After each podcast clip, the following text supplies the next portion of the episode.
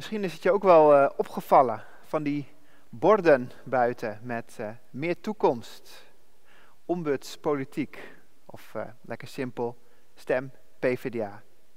Ja, de verkiezingen komen eraan. En natuurlijk, we stemmen voor Kamerleden, maar ook, maar voor heel veel mensen gaat het maar om één ding. Wie wordt er premier? Dan lijkt het niet zo spannend te worden dit jaar. Maar denk eens terug aan de afgelopen jaren. Hoeveel aandacht was er niet voor de vraag wie er premier zou worden? Hoeveel mensen gaven wel niet aan dat ze beschikbaar waren voor premier? Om de leider te worden van dit land. We hebben iets met leiders. Denk ook eens aan de VS, aan Trump, Biden en wie daar de leider zou worden. Maar denk ook eens aan voetbal, aan al die voetbaltrainers en alle aandacht daarvoor. Aan hun filosofie, hun, hun visie. En wat dacht je van ondernemers? Visionaire eh, ondernemers zoals uh, Steve Jobs of uh, Elon Musk. We hebben iets met leiders. Hoe zit dat met jou? Heb jij dat ook? En wat voor soort leider zoek je dan? En waar zoek je die? In de politiek, de sport, het bedrijfsleven? Of misschien eerder een, uh, een activist of een influencer? Of, of iemand die je persoonlijk zelf goed kent? Of uh, heb je het niet zo op leiders? Vind je dat je zelf je eigen leider bent? In Johannes 6 zoeken de mensen zeker wel naar een leider. Ze zitten in een moeilijke situatie, al jarenlang. Wat ooit Israël is, dat is nu bezet door de Romeinen. En de mensen die verlangen naar een uitweg. Het is bijna Pesach, feest ter herinnering aan de uittocht uit Egypte. En vaak juist in die tijd wakkert het verlangen aan naar een nieuwe leider, een, een nieuwe Mozes, want Mozes heeft het beloofd. Ooit komt er een nieuwe leider zoals hij. Een sterke man, gezonden door God, die het volk bevrijdt van de buitenlandse onderdrukker. En dan, dan denken ze hem te vinden. Jezus. Jezus lijkt te voldoen. Hij geneest mensen op wonderbaarlijke wijze, steeds weer. Hij lijkt goddelijke kracht te hebben. Zou hij die grote leider zijn? De mensen willen het weten. Heel veel mensen willen het heel graag weten. Vijfduizend om precies te zijn. En ze komen bij hem. En hij stelt niet teleur. Hij doet een wonder. En wat voor een. Johannes, de schrijver, die noemt het wonder een teken. Zo'n teken laat iets zien van wie Jezus is. En als je goed kijkt, dan zie je steeds nieuwe lagen die meer vertellen over wie Jezus is. Zo zijn er in dit teken van het brood vier lagen te ontdekken. En ik zal ze noemen. Jezus is de leverancier van het brood. Jezus is de gastheer van de maaltijd. Jezus is de bediende die het brood rondbrengt. En Jezus is het brood. Leverancier, gastheer, bediende, brood. Stap voor stap komen we steeds dieper bij wie Jezus ten diepste is. En als eerste dus Jezus als leverancier van het brood. En dat klinkt misschien een beetje oneerbiedig, leverancier. Maar Jezus bakt het brood niet. Hij zorgt wel voor heel veel brood.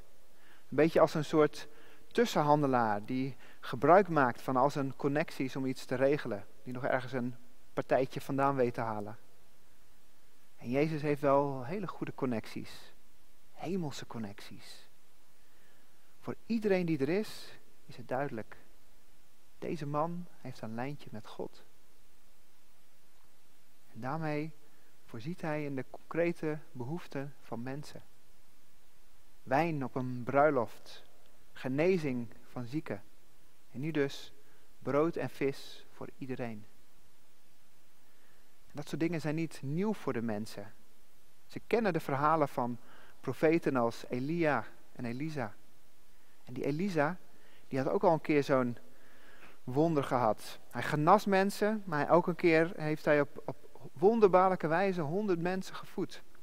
En maar twintig kleine broden. En er was nog brood over ook. Voor de mensen is het snel duidelijk. Jezus is ook zo'n profeet als Elisa. Maar dan een veel grotere. Jezus levert immers veel meer brood.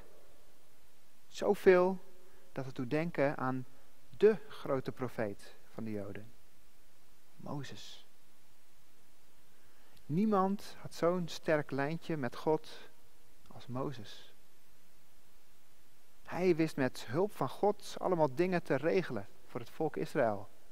Brood uit de hemel, midden in de woestijn, 40 jaar lang, iedere dag. Elke dag genoeg te eten. En nog veel meer van dat soort dingen. En Mozes was ook de grote leider van het volk Israël. Hij regelde met hulp van God de uittocht uit Egypte. De bevrijding van de onderdrukking. En hij bracht hen naar hun eigen land. En daar aangekomen bij zijn afscheidsspeech belooft hij een opvolger. Hij zegt, een profeet uit uw midden, uit uw broeders zoals ik, zal de Heer uw God voor u doen opstaan. Naar hem moet u luisteren. En nu, na dat wonder van het brood, weten de mensen het zeker. Jezus is het. Jezus is de profeet die zou komen. De nieuwe leider, de nieuwe Mozes. Dus willen ze gelijk tot actie overgaan en hem tot koning uitroepen. Desnoods onder dwang. Ergens is dat raar, toch? Als hij door God gezonden is, waarom moet je hem dan dwingen? En ja, echt een koning is hij ook niet gelijk. Eerder een soort rebellenleider. Maar toch, een leger van 5000 man is niet slecht, toch? Geen slecht begin. Maar Jezus, die past ervoor. Hij gaat weg. Alleen. Waarom? Hebben ze het verkeerd gezien? Is hij niet die profeet die verwacht werd? Is hij niet de koning van de Joden? Of is hij het wel, maar anders? De mensen kijken naar Jezus door de bril van hun eigen belangen. Ze willen genezen worden van hun ziekte. Ze willen bevrijd worden van de Romeinen. En het gratis brood, dat is ook niet slecht. Hoe zit dat met ons? Hoe kijken wij naar Jezus, naar God? Wat verwachten we? Wat bidden we? Is God vooral iemand die jouw problemen moet oplossen? Die jouw wensen moet uitvoeren? Als ik eerlijk ben, bid ik wel vaak zo. Mijn eigen boodschappenlijstje voor God. En jij? Jij ook? Natuurlijk, het is niet erg. Het is niet verkeerd. Het is niet gek. Maar toch.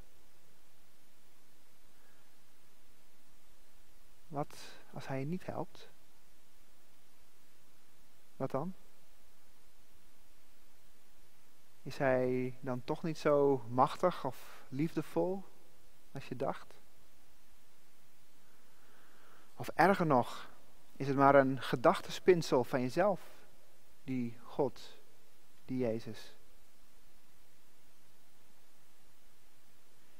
Jezus wil de mensen in de menigte niet verder helpen. Hij gaat ze niet bevrijden van de Romeinen. Hij laat zich niet tot koning uitroepen. Hij gaat weg, alleen. Is Jezus de grote leider? Voor de mensen is het wel duidelijk. Nee, maar hij is het niet. Of is hij soms een heel ander soort leider? Laten we kijken naar de tweede laag. Jezus, de gastheer. Stel je het eens voor. Jezus die zit met een groepje leerlingen, zijn goede vrienden, op een berghelling, bij dat, vlak bij dat wijdse blauwe meer van Galilea. En opeens komen er mensen aan. Een enorme groep mensen, opgewonden, want ze hebben hem gevonden. Daar, daar is hij, roepen ze. Ze komen steeds dichterbij. En dan zijn ze er. Een enorme groep mensen, vlak bij Jezus. En dan? Wat doet hij? Geneest hij mensen? Geeft hij ze les? Verkondigt hij grote dingen? Niets daarvan. Staat in Johannes 6. Nee. Jezus doet iets heel anders. Hij zegt, laat iedereen gaan zitten. En het woord dat hier met gaan zitten is vertaald, dat betekent zoiets als comfortabel gaan zitten om te eten. En het wordt gebruikt als je uitgebreid samen gaat eten. En samen eten was in die tijd heel belangrijk. Het was een eer om uitgenodigd te worden, om bij iemand te komen eten. Een teken van vriendschap. En dat is dus precies wat Jezus nu doet. Zijn leerlingen die geven nog wat redenen waarom het niet kan. Er is lang niet genoeg eten en ook zeker niet genoeg geld om eten te kopen. En die mensen die hebben ook helemaal geen, geen honger of zo. Het staat nergens. Maar toch, Jezus staat erop. Laat iedereen gaan zitten. En hij zegt als het ware, kom erbij allemaal, jullie zijn welkom. Jezus nodigt ze uit om bij hem te komen eten, als teken van gastvrijheid, als teken van vriendschap. Jezus is de gastheer en iedereen is welkom. Iedereen, ook jij. Ook als je er nog helemaal niet over uit bent, wat je nou van Jezus vindt. Als je twijfelt, je bent welkom. Ook als je helemaal niet trots bent op jezelf, op wat je denkt, op hoe je leeft, je bent welkom. Ook als je vooral druk bent met van alles en nog wat, dat het aan je trekt, dingen die veel belangrijker of urgenter of interessanter lijken dan Jezus. Je bent welkom. Ook als je vol zit met pijn, met verdriet, teleurstelling. Je bent welkom. En ook als je denkt dat je niet goed genoeg bent, voor wie dan ook, maar zeker niet voor Jezus. Je bent welkom. Iedereen die Jezus zoekt, die naar Hem toekomt, is welkom. En Jezus, die lijkt erin sprekend op zijn vader. En dat is niet gek. Hij zegt het vaak in het Johannesevangelie. De vader en ik zijn één. En de zoon kan alleen doen wat hij de vader ziet doen. En wat de vader doet, dat doet de zoon op dezelfde manier. En over zijn vader zegt hij, In het huis van mijn vader zijn veel kamers. Bij deze gastheer is plek voor heel veel mensen. En je komt het vaker voorbij in de Bijbel. Het beeld van God als gastheer. In de psalmen bijvoorbeeld, zoals Psalm 23. Daar staat, U nodigt mij aan tafel, mijn beker vloeit over. Jezus nodigde al die mensen uit aan tafel. Nou ja, ze mogen zitten in het gras. Het meest comfortabele stukje van die ruige kustlijn.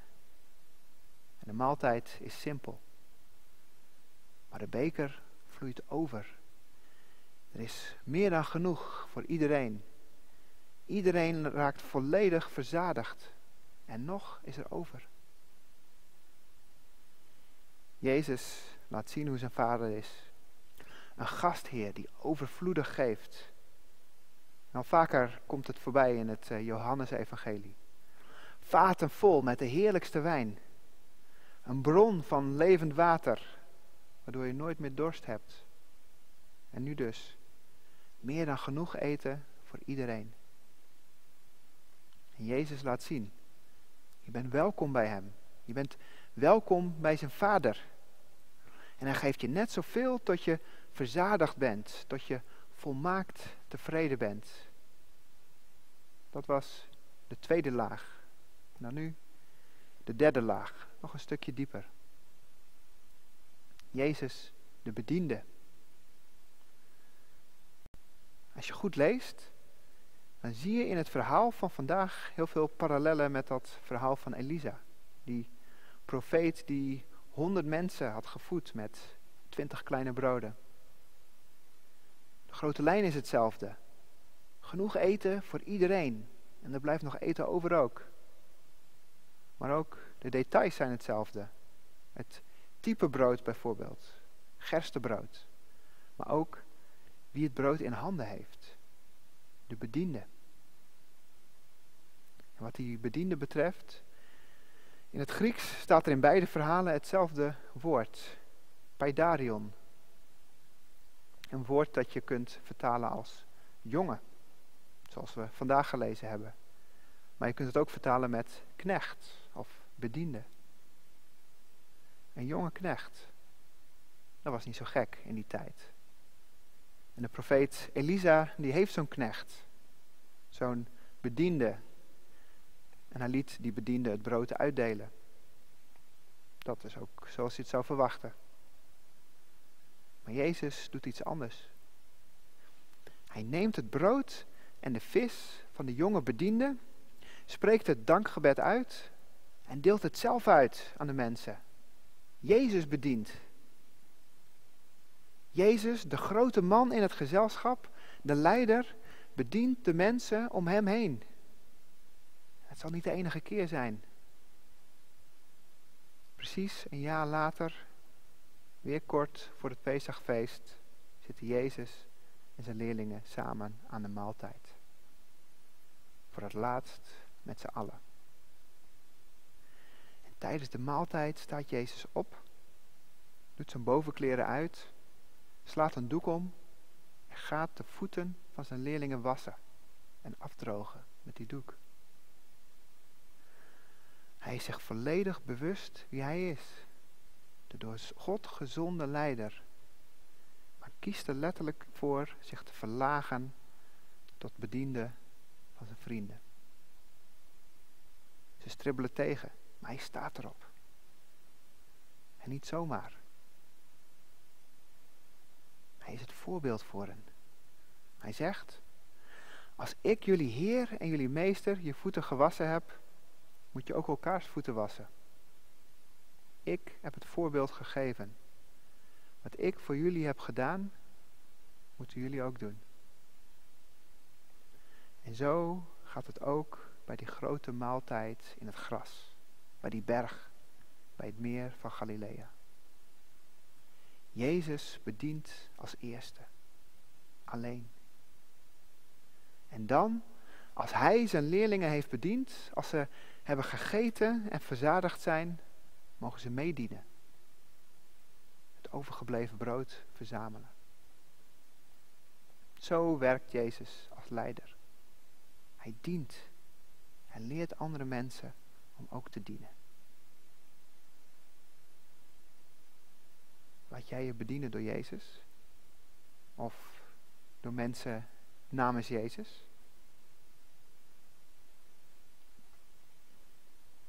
En wie bedien jij?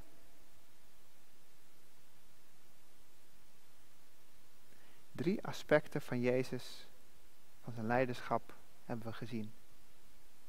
Hij regelt dingen dankzij zijn uitstekende connecties met God. Hij heet iedereen persoonlijk welkom die, bij, die hem opzoekt. En hij biedt ze vriendschap aan. En bedient ze hoogstpersoonlijk.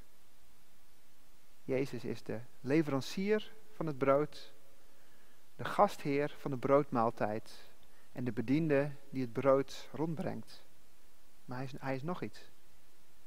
Dat is de vierde laag, de laatste laag. Jezus is het brood. Jezus is het brood. Het zijn cryptische woorden, maar hij zegt het zelf. De volgende dag zoekt die menigte hem weer op. En ze vinden hem uiteindelijk aan de overkant van het meer. Ze willen meer wonderen, meer brood, net als Mozes in de woestijn voor hun voorouders regelde. Elke dag manna, hemelsbrood. En wat zegt Jezus? Mozes gaf dat brood niet, mijn vader deed dat. En mijn vader geeft jullie het ware brood uit de hemel. Brood dat leven geeft aan de wereld. Dat willen de mensen wel. Dat ook brood. Ik ben het brood dat leven geeft. Jezus zegt het. Wie bij mij komt, zal geen honger meer hebben. En wie in mij gelooft, zal nooit meer dorst hebben. Jezus belooft eeuwig leven aan iedereen die hem ziet, die bij hem komt en die op hem vertrouwt. En hij zal niemand wegsturen. Eeuwig leven voor iedereen die het hemelse brood eet. En dan zegt hij, het brood dat ik zal geven voor, de, voor het leven van de wereld is mijn lichaam. Jezus geeft zijn lichaam zodat wij eeuwig kunnen leven.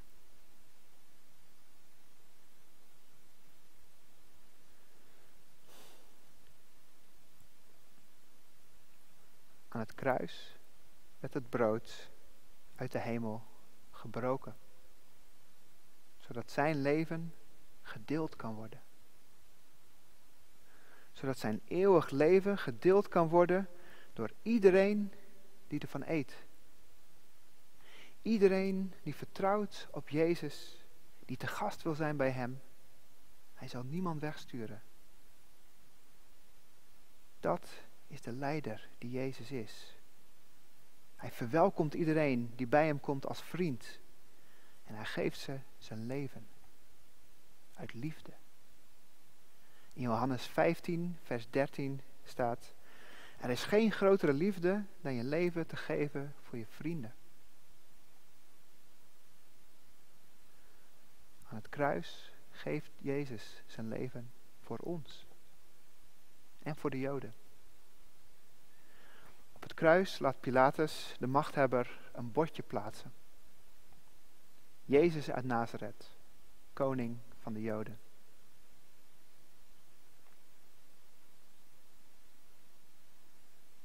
Is het spot? Of meent hij het? En zo ja, heeft hij gelijk? Is Jezus de grote leider van de Joden?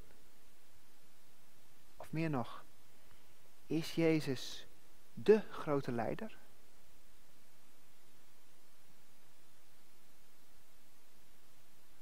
Napoleon Bonaparte, die grote generaal die bijna heel Europa veroverde, die keizer was van Frankrijk, koning van Italië, heerser over Duitsland, Nederland en Spanje, die zei het volgende.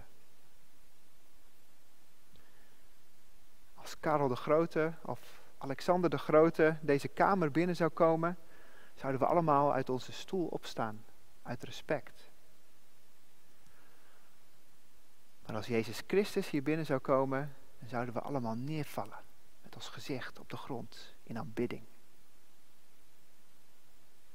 Alexander, Caesar, Karel de Grote en ik hebben grote rijken gesticht.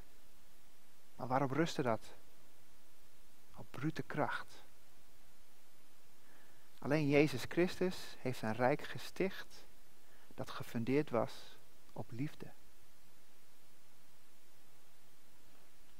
Napoleon is onder de indruk van het leiderschap van Jezus. Hoe zit het met jou? Je zo je twijfels over Jezus? Misschien is het goed om hem eens op te zoeken. Bewust op te zoeken in gebed, in de Bijbel, in kunst, muziek of in andere mensen. Ga eens naar hem toe. Je bent welkom bij hem. En proef eens van het wonderlijke brood. Voor ieder van ons geldt, je bent welkom om bij hem te eten. Bij hem die het levende brood zelf is. Je mag eten van het brood dat leven geeft. Zoveel als je wilt. Jezus bedient je en leert je om anderen te bedienen. En al dat levengevende brood dat over is, mag jij verzamelen om uit te delen. En dan ben je zelf gastheer of gastvrouw. Namens die wonderlijke, liefdevolle, grootse leider Jezus. Amen.